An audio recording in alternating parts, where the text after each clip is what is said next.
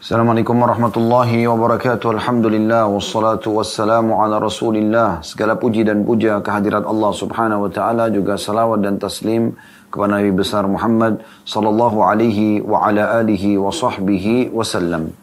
Saudara Kusiman ketemu seperti biasa di hari Rabu siang hari pukul 13.00 waktu Indonesia Barat kita akan melanjutkan bedah buku kita Riyadus Salihin tulis oleh Imam Nawawi rahimahullah dan kita masih di bab yang sama, bab ke-79 tentang masalah pemimpin yang adil atau bab pemimpin yang adil.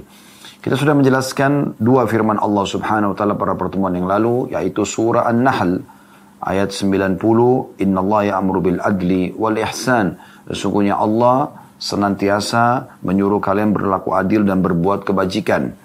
Juga firman Allah Subhanahu wa taala dalam surah Al-Hujurat ayat 9 wa aqsitu innallaha yuhibbul muqsitin dan berlaku adillah sungguhnya Allah menyukai orang-orang yang berlaku adil. Serta juga kita sudah menjelaskan hadis pertama dalam bab ini yaitu hadis nomor 664 yang riwayatnya kata Abu Hurairah radhiyallahu anhu dari Nabi sallallahu alaihi wasallam sab'atun yudhilluhumullah fi dhillihi yawma la dhilla illa dhilluh. Ada tujuh golongan yang akan Allah naungi di hari kiamat di mahsyar di mana tidak ada naungan kecuali naungannya. Yang pertama imamun adil pemimpin yang adil. Dan ini jadi saksi bahasan kita dan yang kedua, syabun nasya'a fi ibadatillahi ta'ala. Seorang anak muda yang tumbuh di atas ketaatan kepada Allah yang maha tinggi. Yang ketiga, warajulun qalbuhu mu'allakum bil, fil masajid. Yaitu seorang seseorang laki-laki yang hatinya terpaut dengan masjid. Yang keempat, warjulani tahabba fillahi ijtama alaihi wa tafarraka alaihi. Dua orang yang saling mencintai karena Allah, berkumpul dan berpisah karenanya. Yang kelima, warajulun da'athum ra'atun dhatu mansibin wa jamal faqala inni akhafullah. Seseorang laki-laki yang diajak berzina oleh seorang wanita yang memiliki kedudukan dan kecantikan, kemudian dia mengatakan aku takut kepada Allah. Yang keenam, rajulun tasaddaqa bi sadaqatin fa akhfaha hatta la ta'lama shimalu ma tunfiqu yaminu. Seseorang yang bersedekah dengan tangan kanannya dan yang, yang dia sembunyikan dan rahasiakan sampai-sampai tangan kirinya tidak mengetahui. Kemudian yang teruju yang ketujuh yang terakhir rajulun dzakarallah khalian fafadat aynah aina ainahu. Sesungguhnya atau seseorang laki-laki atau seorang wanita pun masuk di sini yang mengingat Allah sendirian kemudian meneteslah air matanya. Jadi saksi bahasan kita tentang uh, golongan pertama Allah selamatkan untuk pemimpin yang adil. Kembali kami ingatkan teman-teman sekalian, bila seseorang Allah amanahkan menjadi pemimpin dari uh, sesuatu yang paling sederhana dan kecil, misalnya dia menjadi pemimpin di rumah tangganya, sebagai suami, pemimpin terhadap istri dan anaknya, sebagai istri, pemimpin terhadap anak-anak dan juga harta atau rumah yang ditinggalkan oleh suaminya, pembantu pada harta majikannya misalnya, dan sampai lingkup yang lebih besar daripada itu, mungkin instansi, ya, kepala instansi, kepala divisi di instansi itu, jadi pemimpin dan dia menaungi beberapa orang misalnya.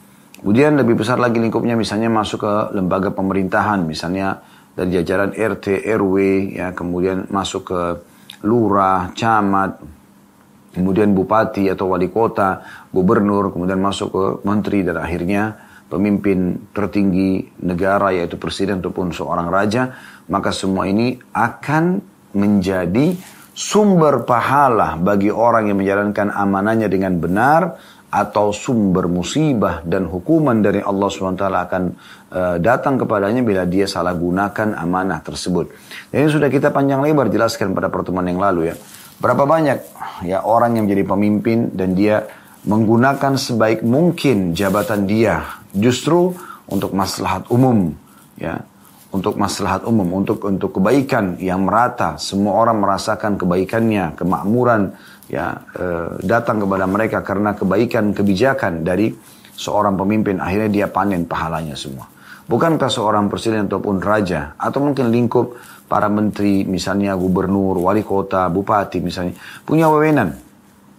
Mungkin bahkan lingkup camat dan lurah pun seperti itu atau RT dan RW pun sama. Mereka misalnya memberikan sebuah keputusan yang dia memang berwenang untuk itu.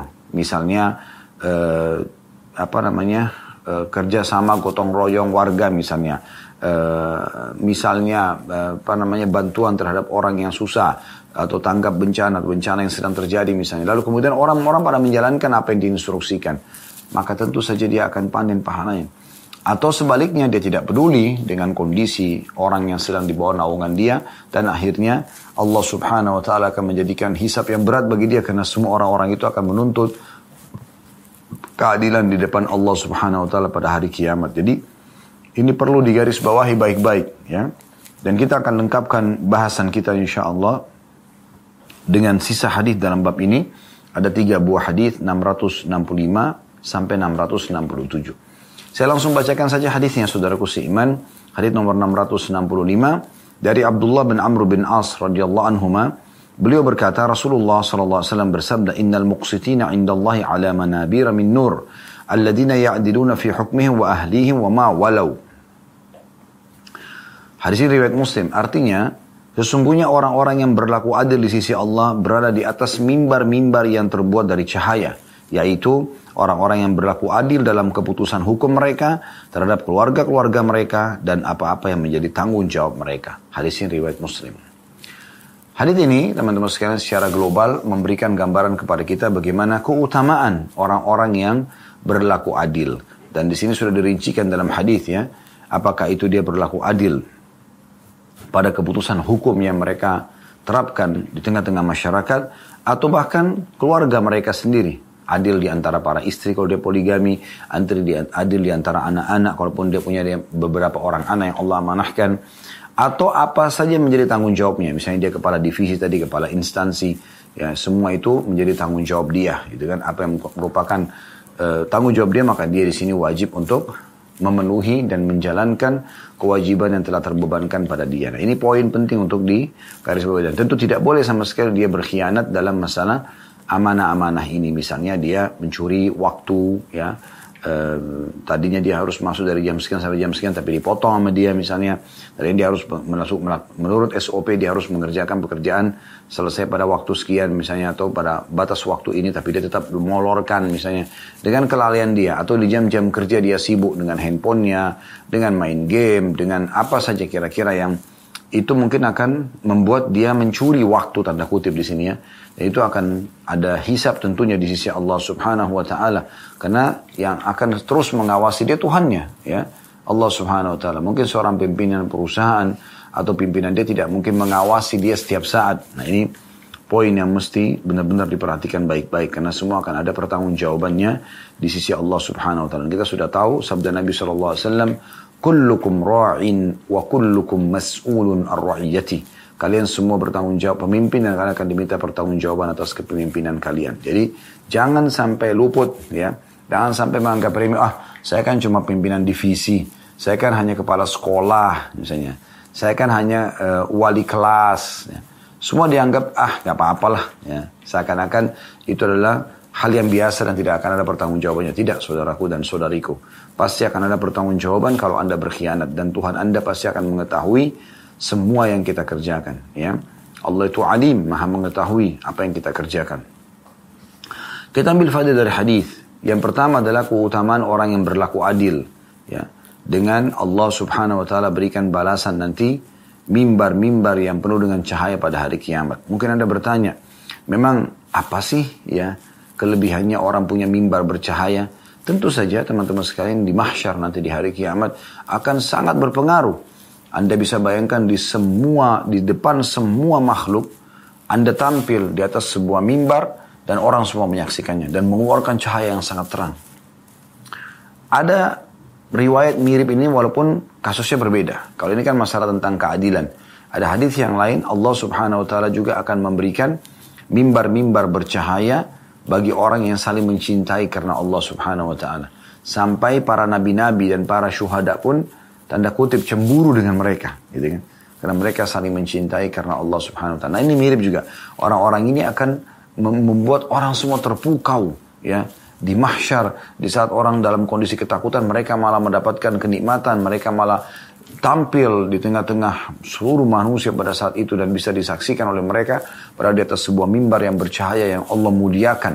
Mereka tidak kena teriknya matahari dan mereka sama sekali tidak terganggu dengan kondisi hiruk-piruknya mahsyar. Nah ini kelebihan tersendiri tentunya. Jadi ini faedah pertama dari hadis.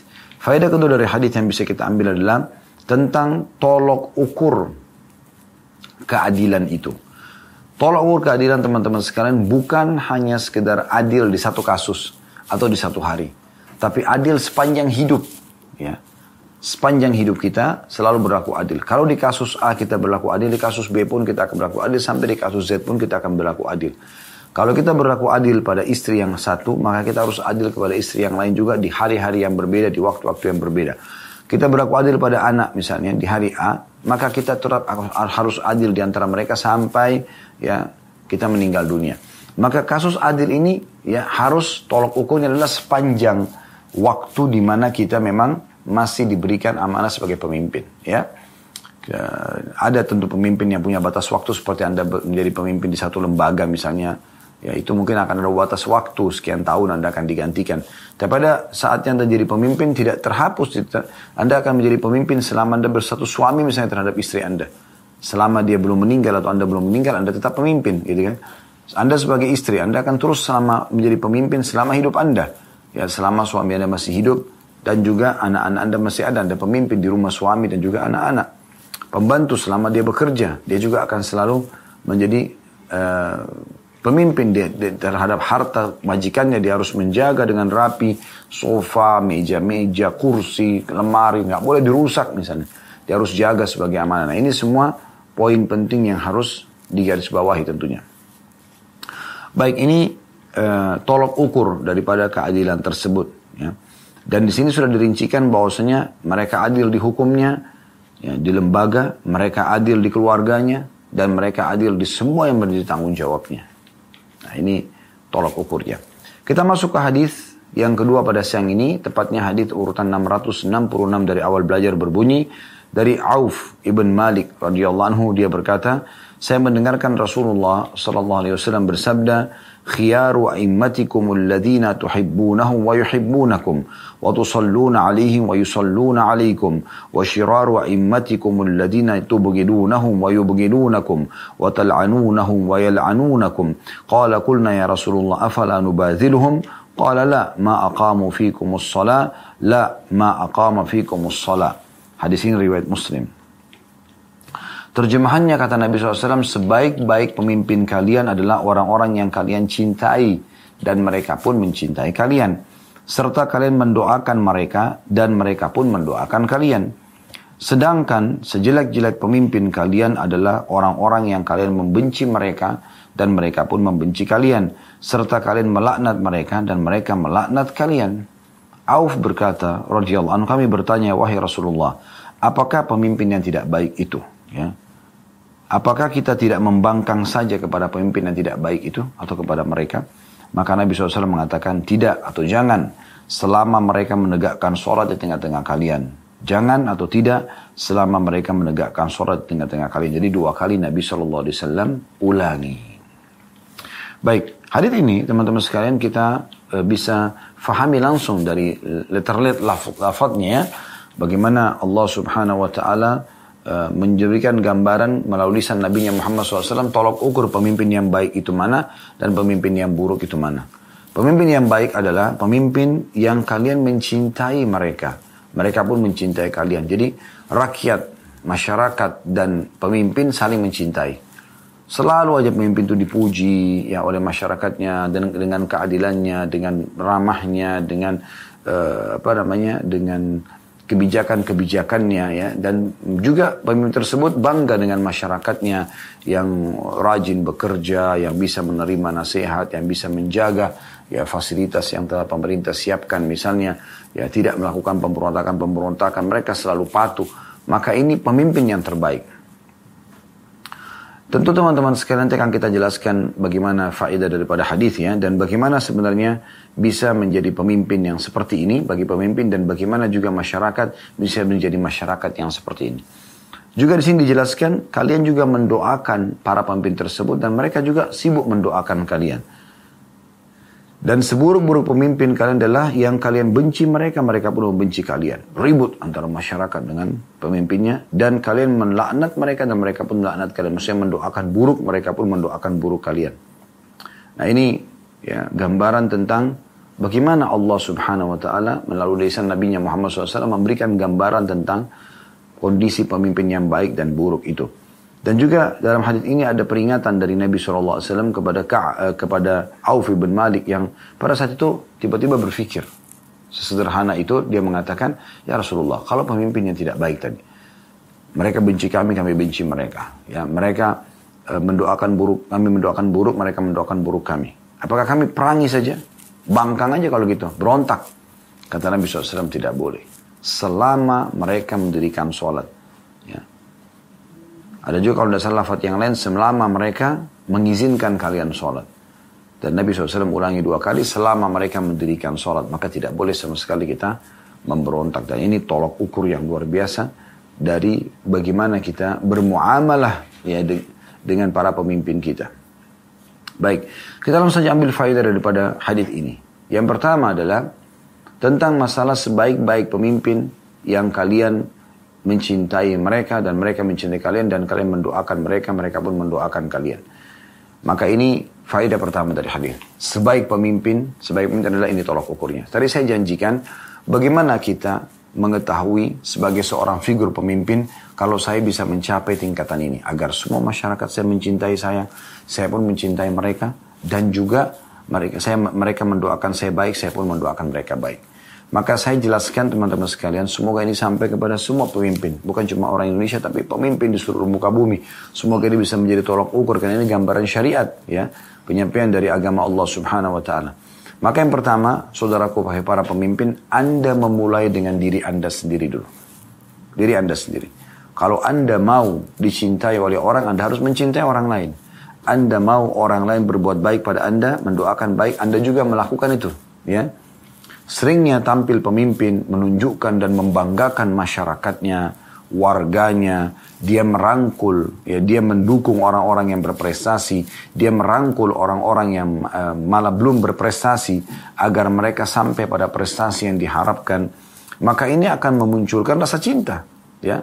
Karena yang berprestasi dirasa merasa didukung, diberikan dinilailah prestasi mereka dengan hadiah-hadiah, dengan pujian, dengan uh, penambahan fasilitas ya. Kemudian yang belum bukan dimusuhi tapi dirangkul, diadakan pelatihan-pelatihan ya supaya uh, mereka meningkat skillnya ya potensi yang dalam diri mereka sehingga akhirnya mereka pun merasa ada andil pemerintah. Ini akan memunculkan rasa cinta, gitu kan? Ada cinta, ada loyalitas dari pemerintah. Nah ini kalau dari pemimpin, bagaimana memulai dengan diri sendiri. Dia mulai, kemudian insya Allah akan ada respon yang sama. Kita senyum dengan orang, sederhana responnya juga akan senyum. Kita cemburut dengan orang, maka orang pun akan balas dengan cemburut. Walaupun Anda tidak kenal sama dia, apalagi kalau Anda kenal. Kan gitu. Nah itu uh, respon sederhananya. Jadi kalau mulai dari mulai dari diri Anda dulu. Ya, ini yang pertama. Yang kedua, anda berdoa kepada Allah Subhanahu wa taala. Teman-teman, doa ini betul-betul harus dijadikan sebagai uh, sebuah kendaraan istimewa, lux. Yang sayangnya banyak di antara umat Islam hanya menggunakan doa ini di waktu yang dia anggap perlu berdoa. Kayak misalnya penyakit kronis yang sudah sudah bertahun-tahun tidak sembuh-sembuh. Dokter semua sudah angkat tangan. Nah baru dia sholat malam tahajud minta sama Allah solusinya. Ini keliru. Harusnya Anda Berdoa dulu, baru Anda ikhtiar. Baru Anda ikhtiar. Makanya kita sebelum keluar rumah berdoa. Sebelum aktivitas ya, sebelum makan, sebelum minum, sebelum tidur, ya, sebelum masuk kamar mandi, sebelum interaksi biologis dengan pasangan halal, kita disuruh berdoa. Nah, di sini kan berarti kita berdoa dulu. Doa ini dirutinkan. Jadi sebelum Anda berobat ke dokter, berdoa dulu agar Allah Subhanahu wa taala jadikan dokter itu ya eh, dan resep yang akan atau obat yang akan dia resepkan nanti itu cocok buat Anda dan Anda sembuh. Nah, itu penting sehingga Anda tidak sia-sia ke dokter tersebut. Sebagaimana dalam hadis Bukhari dijelaskan, hadis Qudsi Nabi SAW bersabda Allah berfirman, siapa pun yang menggantungkan nasibnya padaku, maka aku akan jadi penutup, pencukup baginya. Dan siapa yang menggantungkan nasib kepada selainku, maka aku akan biarkan dia dengan suku-tuku itu. Au Nabi sallallahu alaihi wasallam. Jadi ini yang penting ya. Bagaimana kita selalu berdoa kepada Allah Subhanahu wa taala mohon agar Allah mudahkan segala urusan kita. Jangan berhenti berdoa. Ya, berdoa itu ya, e, di saat kita lagi lapang, justru akan memudahkan pertolongan Allah di saat kita sedang sempit. Sebagaimana sabda Nabi SAW, doa berdoalah atau beribadahlah kepada Tuhan. Kenalilah Tuhan kalian di saat kalian lapang, maka dia akan kenali kalian di saat kalian sedang sempit. Nah, yang kedua. Yang ketiga, jalankan ya tugas Anda dengan baik, dengan ikhlas, dengan tulus, ya sebagai pemimpin. Anda bukan sibuk malah menambah harta, ya uh, malah lebih eksklusif, tidak interaksi dengan uh, bawahan-bawahan Anda. Ini semua akan berpengaruh terhadap cinta masyarakat, ya. Tapi kalau pemimpin itu selalu berbaur dengan masyarakat, ya, uh, selalu menunjukkan ini loh hak kalian, ambillah ini loh tugas saya maka saya jalankan. Seperti itu. Biarkan nanti Allah punya cara membuat mereka menilai. Jadi jalankan tugas Anda. Berikan hak-hak warga Anda. Maka sesederhana itu insya Allah. Ini otomatis akan, ya juga akan e, mendatangkan cinta mereka. Gitu kan.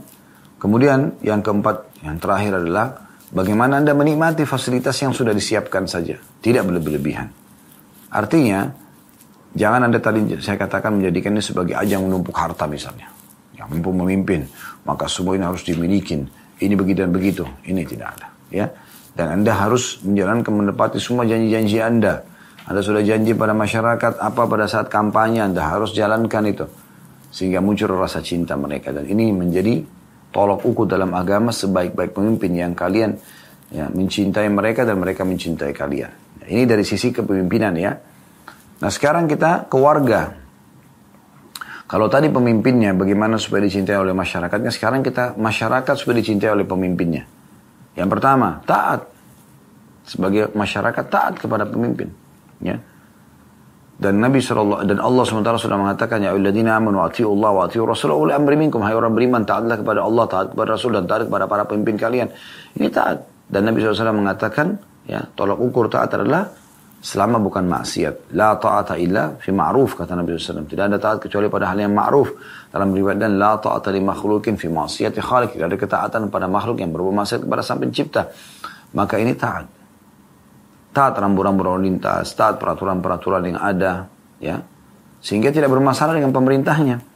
Pemerintah juga tahu sudah menerapkan sebuah peraturan-peraturan apalagi untuk maslahat umum nggak dilanggar, gitu kan? Bukan sengaja cari masalah ini, ya. Ini yang pertama. Yang kedua, ya, Anda selalu mendoakan juga, mendoakan hal-hal yang baik kepada para pemimpin. Supaya responnya juga pemimpin akan mendoakan. Ya Allah berikanlah hidayah pemimpin kami. Ya Allah mudahkanlah dia untuk memberikan uh, memakmurkan negara. Ya Allah mudahkanlah dia uh, untuk menjadi seorang sosok mukmin atau pemimpin mukmin yang taat kepadamu dan juga menjalankan tugasnya dengan baik. Kita berdoa. Di Masjidil Haram dan Masjid Nabawi Madinah, bahkan hampir seluruh masjid Saudi, ya di Saudi yang kami ketahui itu selalu mendoakan kebaikan buat pemimpinnya. Gitu. Nggak ada orang yang sempurna, kalau Anda hanya tahu melihat kekurangan pemimpin di mata Anda, tanda kutip ya. Karena belum tentu itu jelek atau kurang di mata orang lain atau di mata pemimpin itu sendiri. Tapi ditolak ukur Anda, Anda ini kurang nih pemimpinnya. Ah, retorika bicaranya kurang misalnya. Orangnya belum pernah saya ketemuin. Apalah segala macam alasan. Maka ini tidak bisa jadi tolak ukur. Bisa jadi tolak ukur. Keliru kalau yang jadi tolak ukurnya. ya. Ini harus difahami baik-baik. Mohon maaf. Jadi anda doakan para pemimpin tersebut kebaikan. Ya. Dan insya Allah, bila Allah kabulkan doa anda, semua keputusan yang akan diambil setelah dia jadi baik, anda akan panen pahalanya. Nah ini, ya langkah yang kedua agar anda dicintai oleh para pemimpin tersebut. Ya. Yang ketiga, tidak menghina para pemimpin, tidak mencari-cari kesalahan mereka. Ini penting sekali. Kata Nabi SAW, Man ahana amirahu ahanahu Allah. Dalam hadis riwayat Ahmad. Siapa yang menghina pemimpinnya, maka Allah akan hinakan dia. Ya. Dan tidak boleh kita hina-hina pemimpin. Hina fisiknya, hina kulitnya, dibuatlah karikaturnya. Dihina-hina. Kenapa harus menghina pemimpin? Siapa anda untuk hina pemimpin anda? Allah subhanahu wa ta'ala menjadikan ya, dia sebagai pemimpin anda. Dan yang kami ketahui adalah tolok ukurnya pemimpin itu adalah dari masyarakatnya. Nah ini yang poin keempat yang terakhir juga kan tadi pemimpin empat ini juga masyarakatnya empat. Nah adalah Anda harus tahu. Jadi kan bahan introspeksi diri. Kalau pemimpin yang memimpin Anda zalim, berarti di tengah-tengah masyarakat banyak kezaliman. Kalau yang memimpin anda adalah orang yang adil, orang yang baik, maka tengah-tengah masyarakat baik itu tolak ukurnya. Makanya kita mulai perbaikin dari diri kita sebagai masyarakat. Allah akan datangkan pemimpin yang ideal. Ya. Gak bisa datang pemimpin yang ideal di tengah, dari tengah-tengah ke masyarakat yang memang bobrok dasarnya. Gak mungkin. Nah ini tolak ukurnya. Ya. Jadi ini faedah yang pertama dari hadis sebaik-baik pemimpin. Ya dan bagaimana agar mereka yang dicintai oleh warganya, warganya juga mencintainya. Dan kita sudah jelaskan bagaimana dengan empat poin pemimpin itu dicintai oleh masyarakatnya dan didoakan kebaikan, begitu juga ya masyarakat bagaimana supaya dicintai oleh pemimpinnya dan akhirnya terjadilah ya sinkronisasi di sini antara uh, cinta pemimpin pada masyarakat, masyarakat pada pemimpinnya. Faedah kedua dari hadis, ya pentingnya setiap orang berdoa kebaikan Doakan kebaikan, doakan kebaikan. Selalu itu. Tolok ukur itu lisan kita selalu mengucapkan kebaikan. Ya, jangankan jangankan teman-teman sekalian di depan kita tuh orang baik. Dia sudah berbuat kalau kita mengatakan ya Allah berkahilah tambahkanlah perbuatan baiknya. Orang buruk saja dianjurkan doakan kebaikan. Ada sebuah kisah uh, dinukil oleh Ibnu Katsir rahimahullah. Dan ini kisah Eh, tentang sikap Umar bin Khattab radhiyallahu anhu terhadap seorang warganya. Ya. Warga ini kebetulan datang dari negeri Syam dan orangnya sangat kuat, kekar, secara fisik sempurna gitu. Datang kepada Umar bin Khattab lalu ngobrol. Lalu ngobrol gitu kan. Nah pada saat sudah ngobrol gitu kan. dalam kemudian orang itu hilang. Nah Umar bin Khattab ini salah satu ciri khasnya beliau suka sekali kalau ada orang yang datang di majelisnya menceritakan tentang pengalamannya sehingga banyak hal-hal baru yang didapatkan gitu kan.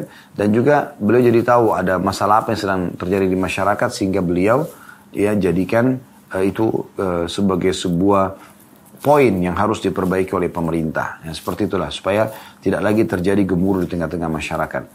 Nah kebetulan orang ini hilang Lama nggak ada. Umar bin Khattab tanya, mana orang yang biasa datang itu si Fulan? Maka orang-orang di sekitarnya Umar mengatakan, dia sudah jauh ya eh, wahai Amir Mukminin, dia sudah mabuk-mabukan, sudah terjerumus dalam dosa. Coba anda bayangkan ya, posisi Umar bin Khattab, beliau orang yang sangat tegas dengan agama Allah, sangat kuat secara keimanan, dan pada saat itu menjadi raja yang paling disegani. Beliau dengar ada satu warganya yang pernah datang kepada dia lalu berbuat dosa. Apa yang terjadi? Bukankah Umar bisa saja langsung hukum dia, tangkap dia. Supaya jangan jadi jamur yang merusak, maksudnya sini ya yang merusak ya, maaf tanda bahasa jamur yang mungkin dia menjadi sesuatu yang uh, menjamurkan mungkin ya uh, kemaksiatannya ke tengah-tengah masyarakat. Hukum saja misalnya. Tidak, tidak seperti itu keputusannya. Umar bin Khattab mengatakan, datangkan uh, sekretaris penulisnya, tulislah dari Umar bin Khattab kepada Fulan, disebutkan nama orang itu. Eh, sesungguhnya lalu beliau membacakan uh, ayat-ayat pertama dalam surah Ghafir ya yang artinya Allah Maha Pengampun ya. Maka ditulislah lima buah ayat dalam surah Ghafir ya. Kalau Anda mau lihat Anda bisa lihat itu ya di ayat Al-Qur'an supaya lebih jelas. Hamim dari ayat satunya tanzilul kitabi minallahil azizil alim. Hamim diturunkannya kitab Al-Quran dari Allah yang maha perkasa lagi maha mengetahui. Ayat tiganya, Ghafirid dhambi wa qabilit tawbi syadidil iqabi tawli la ilaha illa huwa ilaihil masir. Yang maha, pengam, maha mengampuni dosa dan menerima taubat lagi keras hukumannya. Yang mempunyai karunia tidak Tuhan yang berhak disembah selain dia. Hanya kepadanya lah kembali semua makhluk. Ya. Tepatnya sebenarnya Umar bin Khattab suruh menulis ya, ayat ketiga ini. Perhatikan baik-baik ayatnya Ghafirid dhambi Allah itu maha pengampun dosa. Jadi seakan-akan Umar mewasiatkan kepada orang tersebut, saya tahu ini kau buat dosa, tapi Allah itu maha pengampun. Saya seakan-akan mengajak ayat taubat, gitu kan? Wa qabilit taubi, dia akan menerima taubat hamba-hambanya. Syadidil iqabi, dan dia sangat keras siksanya bagi orang yang justru tidak mau taubat, ya, terus dalam dosanya. Zid tauli, ya, yang mempunyai karunia. Artinya dia kalau kamu bertobat, kamu akan diberikan rezeki ya. La ilaha illahu. Tidak Tuhan yang berhak disembah kecuali dia ilaihil masir. Kepadanya lah ya semua makhluk akan dikembalikan. Waktu surat itu sampai kepada orang yang tadi ya bermaksiat kepada Allah Subhanahu wa taala itu lalu mengatakan ya telah sampai kepadaku peringatan Tuhanku. Dia mengingatkanku agar aku bertobat melalui Umar dan kemudian juga mengingatkanku akan menghukumku. Lalu kemudian dia menjadi baik orang tersebut. Dia taubat nasuha dia menjadi baik waktu sampai kepada Umar radhiyallahu anhu informasi tersebut maka beliau mengatakan beginilah kalian harus melakukannya jadi Bagaimana teman-teman sekalian di saat kita melihat ada seseorang melakukan pelanggaran daripada kita mendoakan keburukan, semoga Allah binasakan, semoga Allah matikan, semoga Allah hukum, ya. Maka kita doakan kebaikan. Doakan kebaikan kepada dia. Ajak dia bertaubat karena mereka butuh untuk ya diajak bertaubat. Kalau Anda tidak terjerumus dalam dosa tersebut, Allah selamatkan Anda, tapi Anda juga dianjurkan menyelamatkan orang lain sampai kepada Anda tentang seseorang buat dosa untuk Anda luruskan kesalahan itu dan menjadi ajang pahala buat Anda. Bukan justru jadi ajang kebencian, nyari-nyari kesalahan orang, memboikot dan segala macam. Itu tidak benar. Ya. Nah ini poin luar biasa pentingnya. Jadi faedah dari hadis adalah bagaimana mendoakan kebaikan. Ucapkan yang baik-baik. Ajak orang untuk taubat. Jadi kalau pemimpin dalam kondisi salah, bukan dihina-hina di pinggir jalan, di medsos, Kata Nabi SAW, siapa yang melihat sesuatu yang tidak dia suka dari pemimpinnya, maka dia datanglah, berbicara, dua mata, eh, empat mata misalnya. Kemudian membahasakan baik-baik. Kalau sudah sampai, dia sudah sampaikan, diterima. Alhamdulillah itu target. Dia tidak diterima, dia sudah lepas tanggung jawab depan Allah. Mungkin Anda mengatakan, bagaimana caranya Ustaz saya sampaikan bahasa saya? Baik, kalau Anda yakin Anda tidak bisa sampai, Anda diam saja. Ya, tidak usah ikut campur. Nanti biar yang ya yang yang memang punya wewenang yang akan menyampaikan. Ya. Yang bisa sampai, Anda tinggal berdoa kepada Allah SWT, semoga Allah berikan hidayah, itu sudah cukup. Itu yang dimaksud dengan doa. Sama dengan Anda menghadapi istri yang memiliki sifat-sifat yang kurang baik, doakan. Suami, doakan. Anak-anak, doakan. Kebaikan semua. Mertua, orang tua, teman, atasan, bawahan, tetangga, semua doakan kebaikan. Ya Allah berikan hidayah, Ya Allah perbaiki, Ya Allah begini. Ya, Lalu kemudian ajak dia untuk menyadari kesalahannya dengan ajak bertobat kepada Allah SWT. Siapa tahu? Kita tidak pernah tahu subhanallah dari dari dari sisi mana penyampaian kita yang Allah jadikan itu sebab tersentuhnya dia secara keimanan sehingga dia taubat. Nah ini penting, ya. Faedah ketiga dari hadis adalah tentang tolok ukur daripada buruknya seorang pemimpin. Tadi kan poin pertama tolok ukur baiknya seorang pemimpin ya. Sekarang buruknya seorang pemimpin yaitu yang kalian benci dan mereka juga membenci kalian. Kalian melaknat, mereka juga melaknat kalian. Nah ini tolok ukurnya.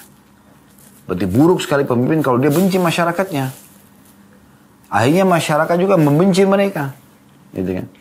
Selalu ada kebijakan-kebijakan yang memojokkan masyarakat, mengambil hak mereka, menahan hak mereka, ya, membebankan di atas daripada kewajiban mereka misalnya. Nah ini mengurangi fasilitas ya dan segala macam ini akan membuat masyarakat membenci.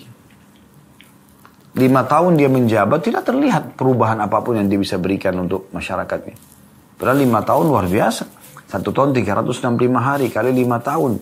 Berapa ribu hari Allah berikan dia kesempatan. Apalagi kalau sampai 10 tahun misalnya.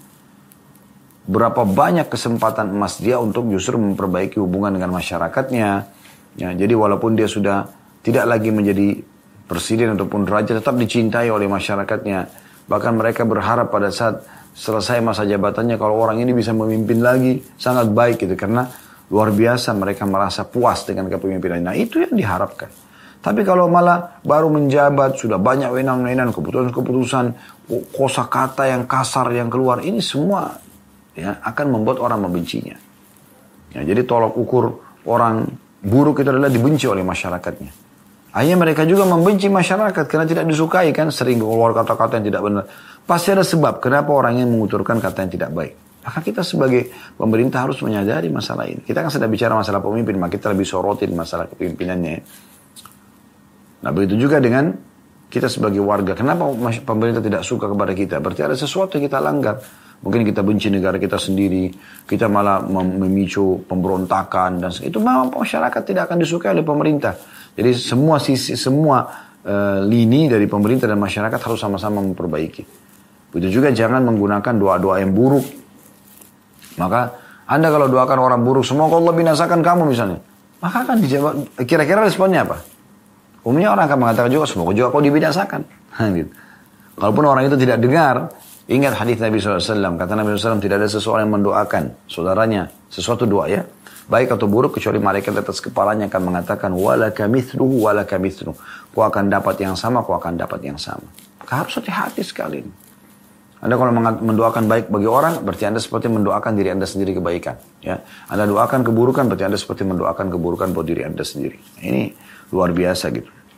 Kemudian pelajaran yang terakhir, yang keempat yang bisa kita ambil dari hadis adalah tidak bolehnya kita memberontak dari pemerintah. Sekali lagi, membuat pemberontakan, membuat kekacauan, mencari-cari kesalahan pemerintah. Ya, Uh, selama mereka masih mendirikan sholat atau mendirikan, membiarkan kita mendirikan sholat.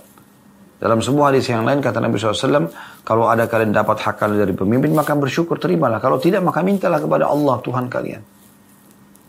Jadi jangan jangan selalu membuat permasalahan dilahirkan ya, karena menganggap pemimpin tidak layak. Lalu siapa yang layak menurut Anda? Ya. Kalau orang ini sudah Allah amanahkan dengan kemudahan yang Allah berikan kepada dia, ya itu urusan dia kalau dia melakukan kecurangan dan segala macam. Tapi Allah sudah pilih dia sebagai pemimpin. Ya. Kata Ali radhiyallahu anhu, sebuah komunitas masyarakat harus ada pemimpinnya. Baik, soleh ataupun fasik, buruk. Ya. Orang-orang di sekitarnya mengatakan, wahai Amir Mu'minin, waktu itu Ali bin Abi Thalib jadi raja. Jadi khalifah, wahai Amir Mu'minin, wahai pemimpin orang beriman. Kalau orang itu baik, soleh, wajar kami bisa faham dia pemimpin yang baik. Tapi kalau orang fasik, kenapa harus jadi pemimpin? Kata Ali, kalau selanjutnya dari pemimpin, maka ingatlah, dengannya jalan-jalan akan aman perekonomian negara akan berjalan ya dan setiap musuh akan dihadapi serta ya uh, seorang muslim bisa beribadah dengan tenang di wilayahnya sampai ajalnya datang. Maka ini tentu kalau kita bicara idealnya lebih baik pemimpin soleh. Tapi kalau ada pemimpin yang tidak soleh bagaimana caranya? Berontak?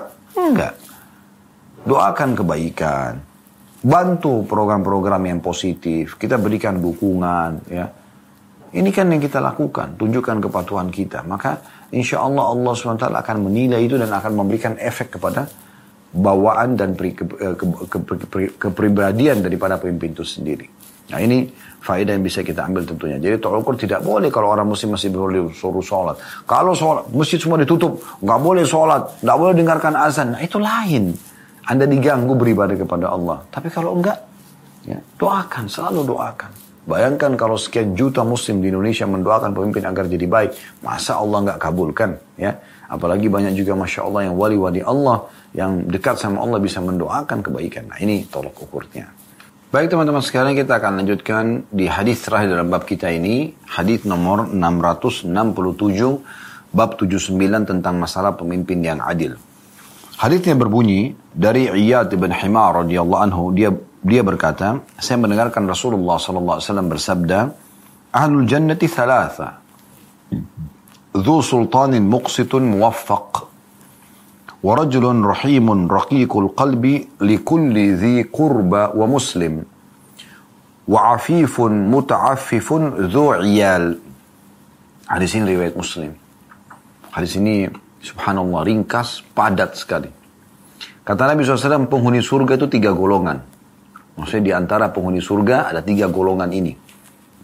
Ya. Yang pertama pemimpin yang adil dan mendapatkan mendapatkan taufik. Nanti akan kita jelaskan insya Allah. Yang kedua orang yang penyayang dan berhati lembut terhadap setiap kerabat dekat dan orang Islam. Yang ketiga orang yang menahan diri dari meminta-minta dan berusaha untuk tidak meminta-minta padahal dia memiliki tanggungan keluarga yang banyak.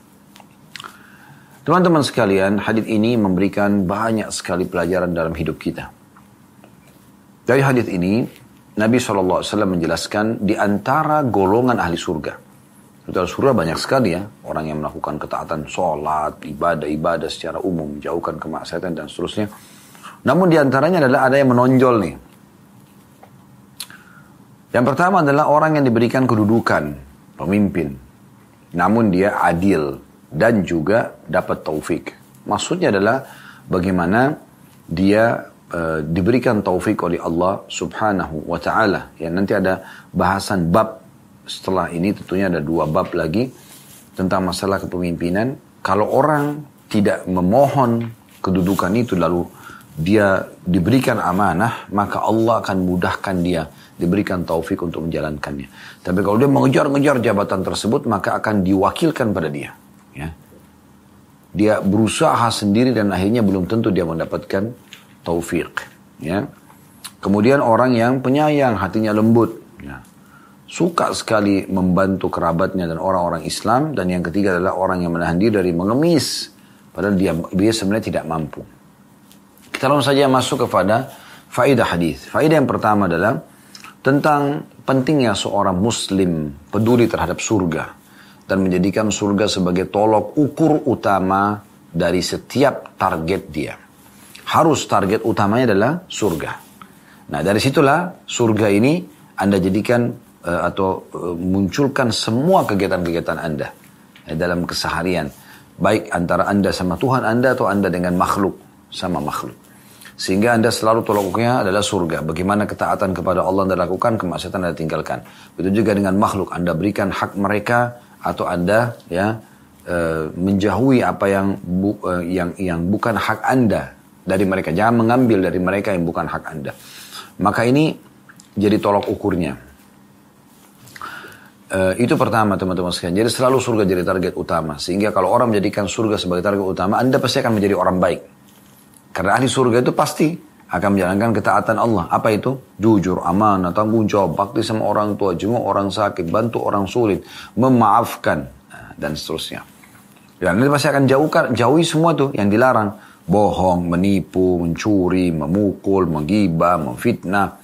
Semua ini anda akan jauhi, karena dilarang. Itu kan sifat ahli surga begitu memang. Selalu dalam ketaatan dan meninggalkan kemaksiatan atau larangan. Kan begitu. Nah, sebaliknya ahli, ahli neraka sebaliknya tuh. Mereka selalu meninggalkan ketaatan-ketaatan dan mereka sibuk dengan kemaksiatan. Nah itu ahli neraka. Nah, ini kan ahli surga. Lakukan ketaatan, tinggalkan larangan atau kemaksiatan.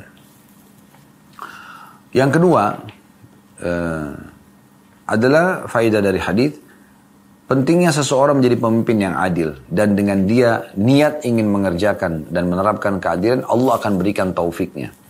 Allah akan berikan kemudahan bagi dia.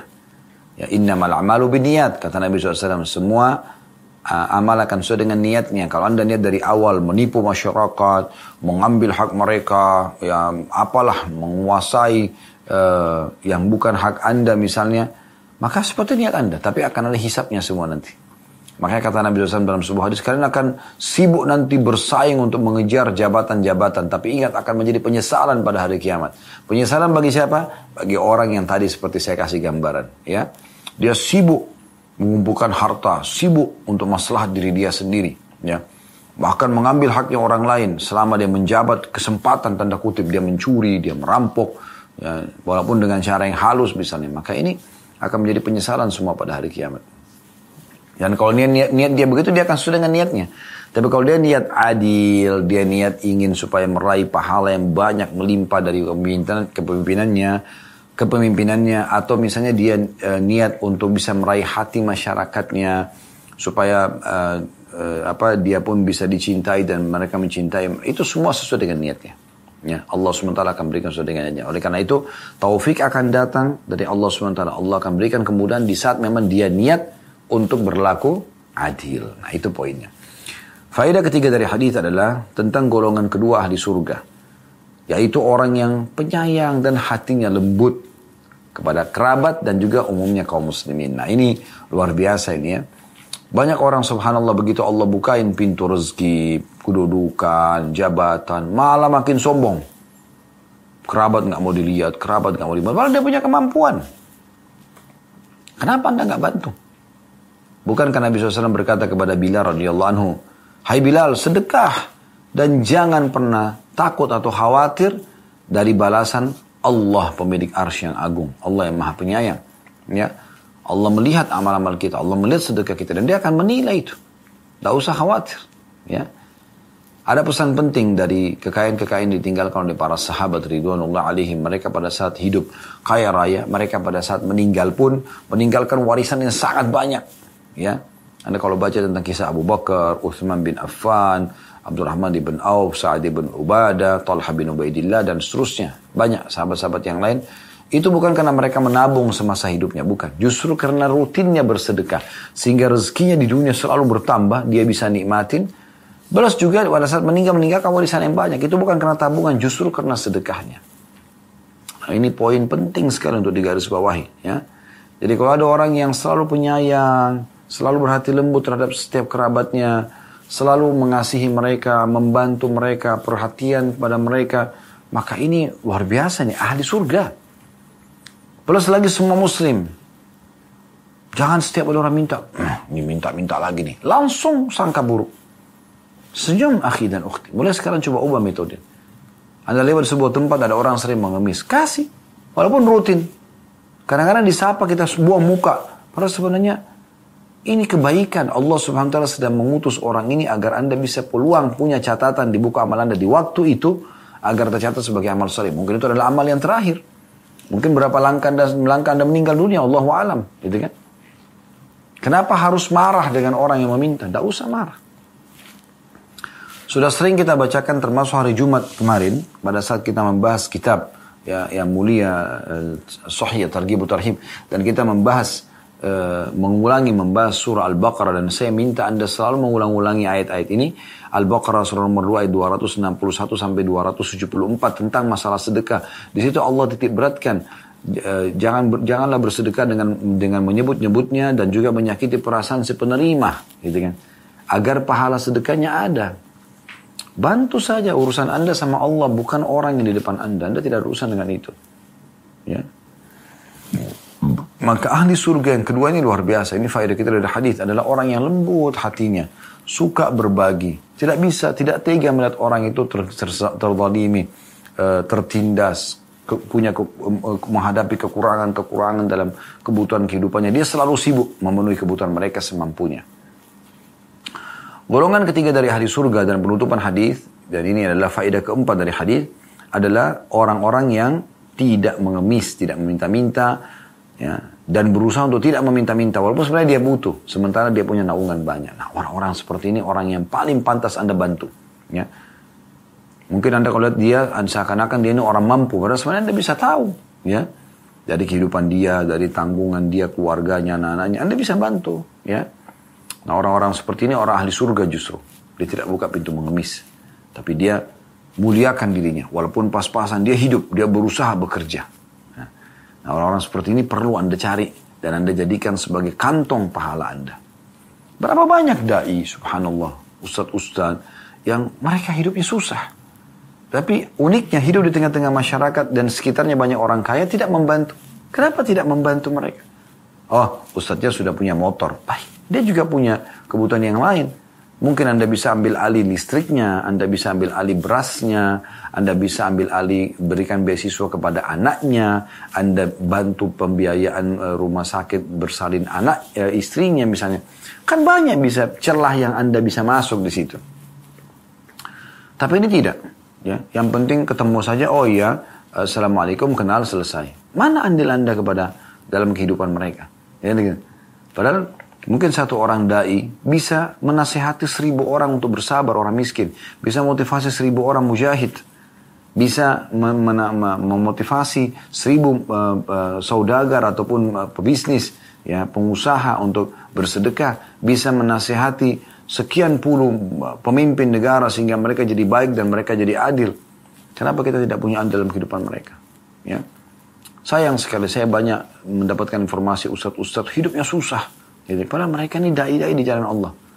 Bahkan kadang-kadang datang ceramah pun tidak diberikan e, transportasi atau diberikan sesuatu yang tidak cukup sebenarnya untuk transport dia. Kenapa kita perhitungan dengan orang-orang di jalan Allah seperti ini? Para penghafal Al-Quran, ya, para mu'allaf, ya, para guru-guru di pesantren, pengajar, di TPA-TPA, banyak sekali kan gitu. Kantong-kantong ini mereka selalu guru ngaji kesannya kayak orang yang susah. Kenapa kita nggak muliakan mereka? Kenapa kita kalau beli barang, tas, baju yang bermerek, kita nggak perhitungan. Kenapa kita pada saat membayar guru ngaji anak kita, kita perhitungan. Ini contohnya gitu kan. Dan kita tarik kepada banyak yang lainnya. Mungkin mereka tidak akan mengemis karena mereka punya kemuliaan jiwa. Tapi mereka justru yang paling berhak Anda bantu. Allahu a'lam.